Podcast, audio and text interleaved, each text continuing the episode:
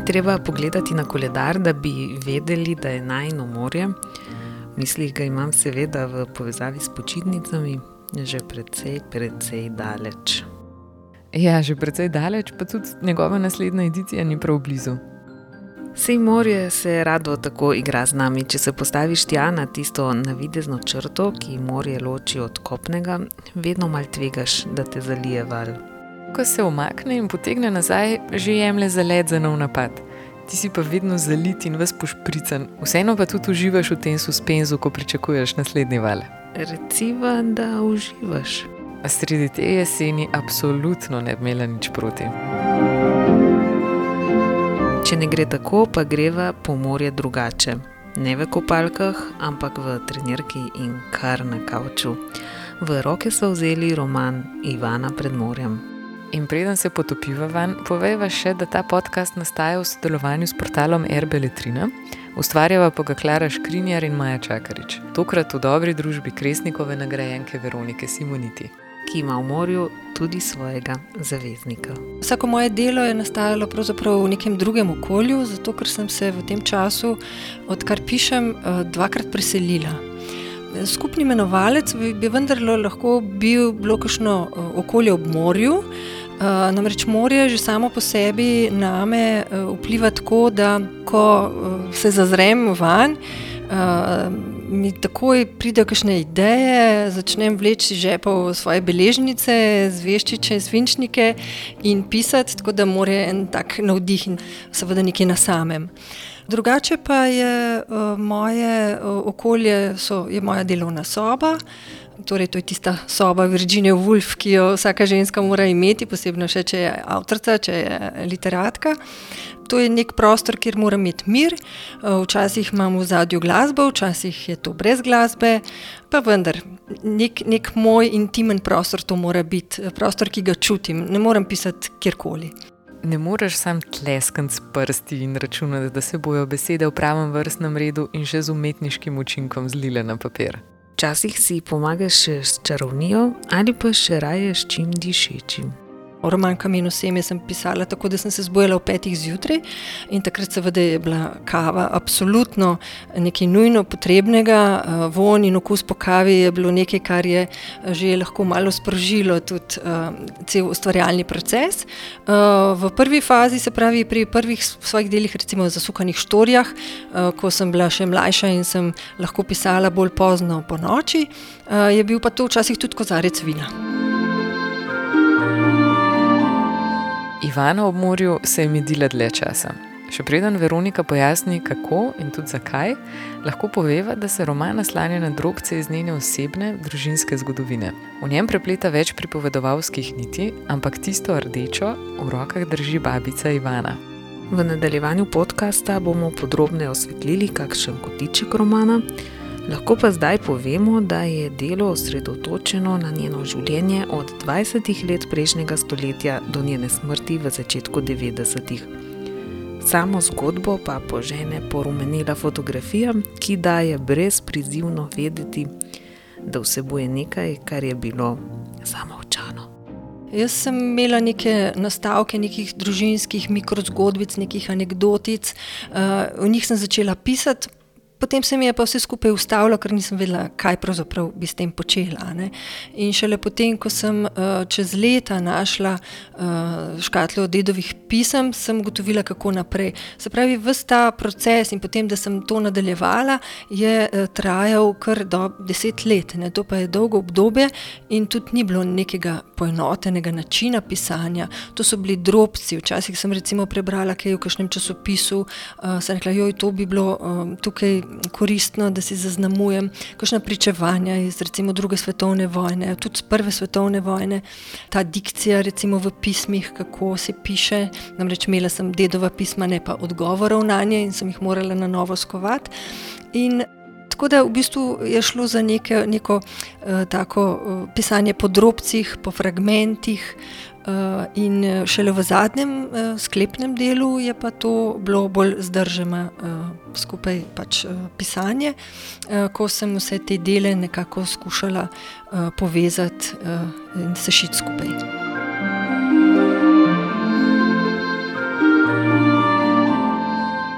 Veronika je tako imela prava dedova pisma, ni pa imela babičinih. Manjkajoče kosti je dopolnjevala sama, pri tem pa znance iz svojega življenja počasi gnetla v literarne osebe in jih tako iz realnosti prenašala v svet umetnosti. Podobno kot bi modelirala z glino, nanašala nove plasti, pa jih na to malo odstrugala dol. Pri Veroniki je ta primerjava toliko bolj na mestu, ker o modeliranju in kiparjenju tudi veliko ve. Ja, torej ta um, prispodoba kiparjanja se mi je predvsem usiljevala pri prvem romanu, kjer se mi je zdelo, da eh, se bo ta moja gmota uh, gline razlezla. Ne? In um, v kiparstvu je tako, da imate neko stojalo, uh, ki ima na vrhu luknjice in skozi te luknjice so napeljane žičke, na koncu so pa taki leseni križci, ki zadržujejo to gmoto. Uh, no in potem, ko sem gotovila, da je ta gmota, da se hoče razlesti, sem uh, v, pač, v prispodobi vzela modelirko in veliko teh plasti odstranila, da sem dobila znotraj tega nek kip, ki je imel neko uh, sprejemljivo formo. In to je bila neka šola potem tudi za naprej. Ustvarjanje literarnih oseb z glino je prišlo prav tudi pri pisanju romana Ivana pred morjem pri Ivani, moram reči, eh, sem že imela to izkušnjo in sem jo skušala tudi pisati, čeprav se mogoče to uh, sliši nenavadno, z disciplino kratke zgodbe, z tem, da v bistvu nisem zahajala preveč v kakšne digresije, ampak sem se skušala držati teh dveh linij pripovednih, se pravi Ivane in pa, in pa te pripovedovalke, se pravi njene vnukinje.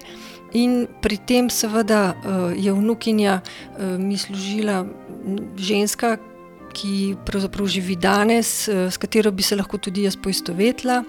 Ivana ni velika junakinja, kakršna bi recimo lahko bila njena soimenjakinja Ivana Orleanska.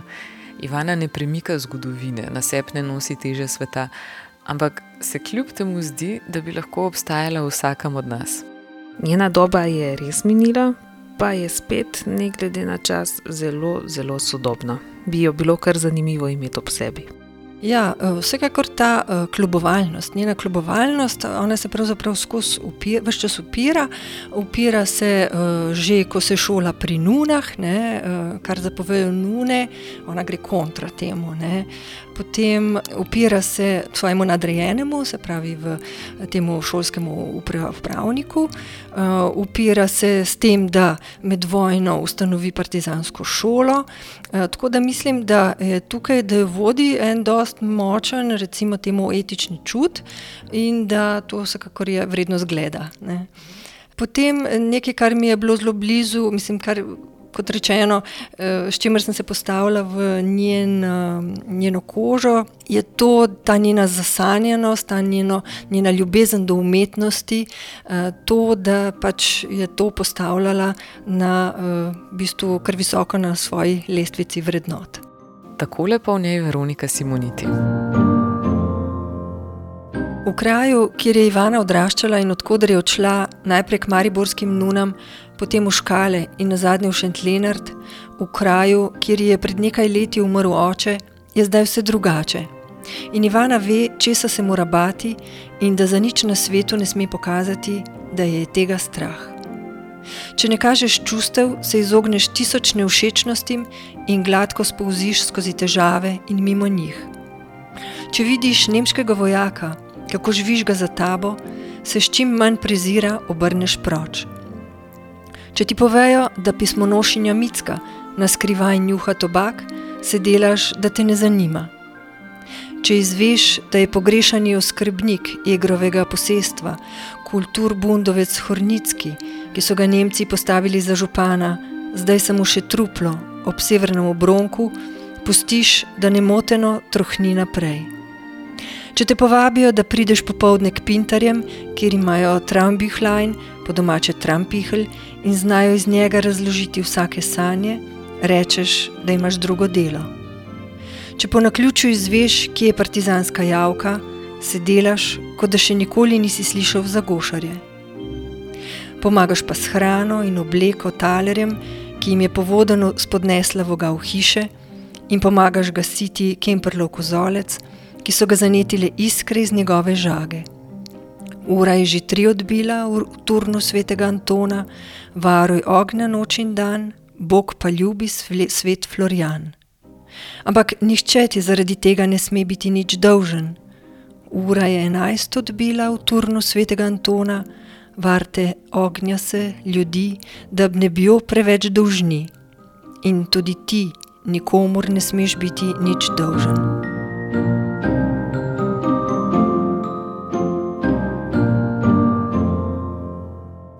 Veronika se je v romanu močno naslonila tudi na zgodovinska dejstva, na življenje pred, med in po drugi svetovni vojni. Čeprav jih preplete z domišljijo, se mora tudi približevati resnici. Ja, resnica mora biti znotraj ravno prav. Ne? Eh, se pravi, toliko, da imaš zgodovino za neko ozadje, ki je um, verodostojno, ki mu je verjeti, obenem pa se znotraj tega okvirja, ne, na, na, pred tem ozadjem, postavljati svoje uh, figure literarne, tako kot jih sam nočeš, ukolikor pač same ne uh, pobegnejo malo po svoje. Ampak vendar, uh, neke stvari pač uh, morajo biti dosti, recimo te realije morajo, po domače rečeno, štimati. Kakšne pa se jih tudi izmuznejo? No, recimo zdaj je prevajalka v španščino odkrila nekaj čist takih faktičnih napak, ki zdaj v ponatisu bojo že popravljene, ampak eh, vendar, no, pač določene stvari si človek lahko dovoli, eh, druge ne. A ne, kdo bi si mislil, da je treba biti pozoren še na pričeske? Recimo kodro v obliki šamrole v 20 letih dekleta niso nosila. Frizura se pojavi šele uh, v 40 letih, tukaj smo pa leta 26. Ne? In me je ta prevajaka prav poslala v priponki to fotografijo, kak, kakšne uh, frizure so takrat nosili.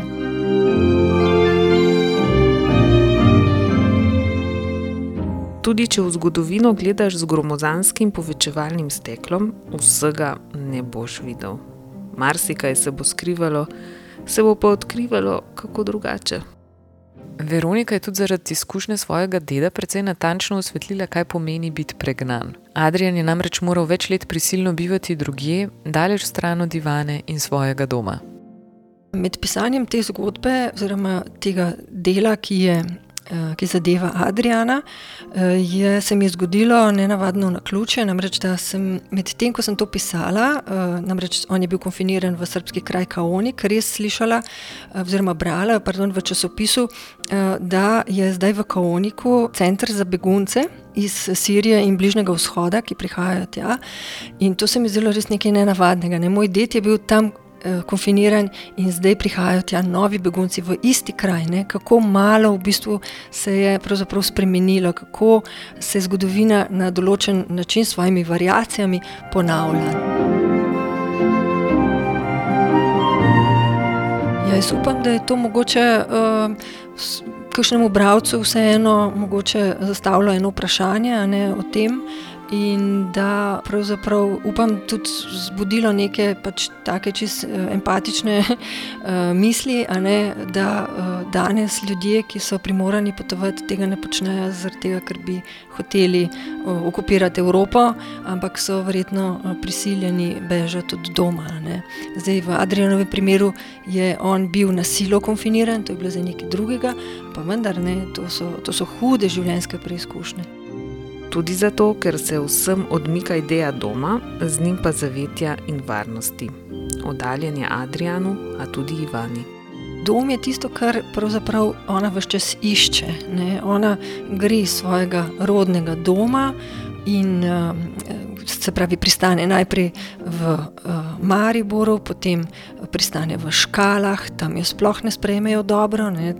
Pride v neko zelo zatohlo uh, vzdušje, uh, v nek uh, zelo konzervativen ambient, ki je nikakor ne gleda uh, z lepimi očmi. In ko spozna Adriana, pravzaprav vidi v njem to obljubo doma, uh, kupuje ta prvo pohištvo. Ne? In tudi pohištvo je, to pohištvo je, je nabito z nekimi simboli. In uh, ko je ta dom že skoraj uh, ustvarjen, ne, pa še na to morate čakati nekaj, ča, nekaj let, da njo preselijo v isti kraj, v Šentlenard kot njega. In ko se to končno zgodi, pa se že razblini, namreč njega pošljajo v konfinacijo v Srbijo in potem ona spet štiri leta prebija sama. Po vojni spet njega ne pošljajo takoj nazaj k družini, je eno leto še uh, v Goriških brdih. Tako da uh, končno pride, pred, uh, pride v, v dom, pride pred morje. In to morje, ki je že prej obstajalo na neki sliki, je pravzaprav uh, ta obljuba doma, ne, ta želja po varnosti, po intimnosti. In to je tisto, kar njo v bistvu žene, to je njeno gonilo. Ne. Dom pa nam zasidrajo tudi spominki. Se, ko boste brali roman, če ga še niste, boste hitro ugotovili, kaj ima v mislih. Ampak se lahko slutite. Verjetno ni nikogar, ki ne bi hranil česa, kar bi ga držalo v preteklosti. Naši domovi, tako jih jaz doživljam, ali pa svoj dom, je prostor, eh, ki je nekakšen intimen muzej. Ne? In tudi vse predmete, ki jih imamo, pač zdaj ne govorimo o pravnih strojih, seveda, ne? imajo neke intimne zgodbe, mogoče so bila darila, mogoče so podedovane, uh, podedovani kosi, predmeti in tako naprej. In v uh, romanu Ivana pred morjem uh, je polno tega, ne? so nalivniki, ob katerih se sprašujemo, ali kaj so zapisali, kaj so bile zadnje besede, ki so jih zapisali. So kredence s krivnimi predali, ki pravzaprav skrivajo razrešitev uh, te uganke. Uh, so ogledala, ki še nekako nosijo od sebe zadnjih podob v sebi ljudi, ki so se na zadnje ogledovali v njem. In tako naprej. Tako tega, je, tega je veliko, no, vse zadnje so pisma. Ne? In vse to so spomini. In mislim, da spomini so uh, ključni za, za nas in za našo identiteto. In brez spominov nas ne bi bilo. In so povezani s prostorom in seveda s časom.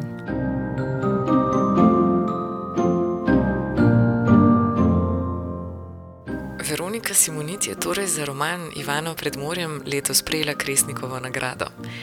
Za njo je bila nominirana tudi pred petimi leti, ko je objavila svoj prvi roman Kameno Seme.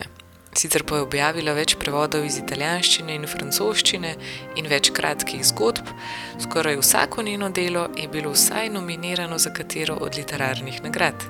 In tudi njena zadnja knjiga, zbirka kratkih zgodb Fugato, je bila uvrščena med finaliste nagrade Novo mesto. Izjemno leto za Veroniko tako kot je izjemno na nek način za vse nas. Videti je kot eno tistih obdobij, ki v zgodovini dobijo poseben zaznamek, čeprav na njih še ne moramo dovolj jasno pogledati. Predvsem se mi zdi, da smo še mogoče malo zmedeni, da bomo morali pogledati eh, na vso to obdobje z distance. Zdaj, mislim, da je treba, če gledam z recimo umetniškega, literarnega gledišča, seveda nabiramo neke okruške, ne, neke zaznave, občutja, strahove, eh, ki, zdaj pač, eh, ki jih zdaj občutimo, ki nas obhajajo eh, in ki bojo mogoče nekoč pozneje.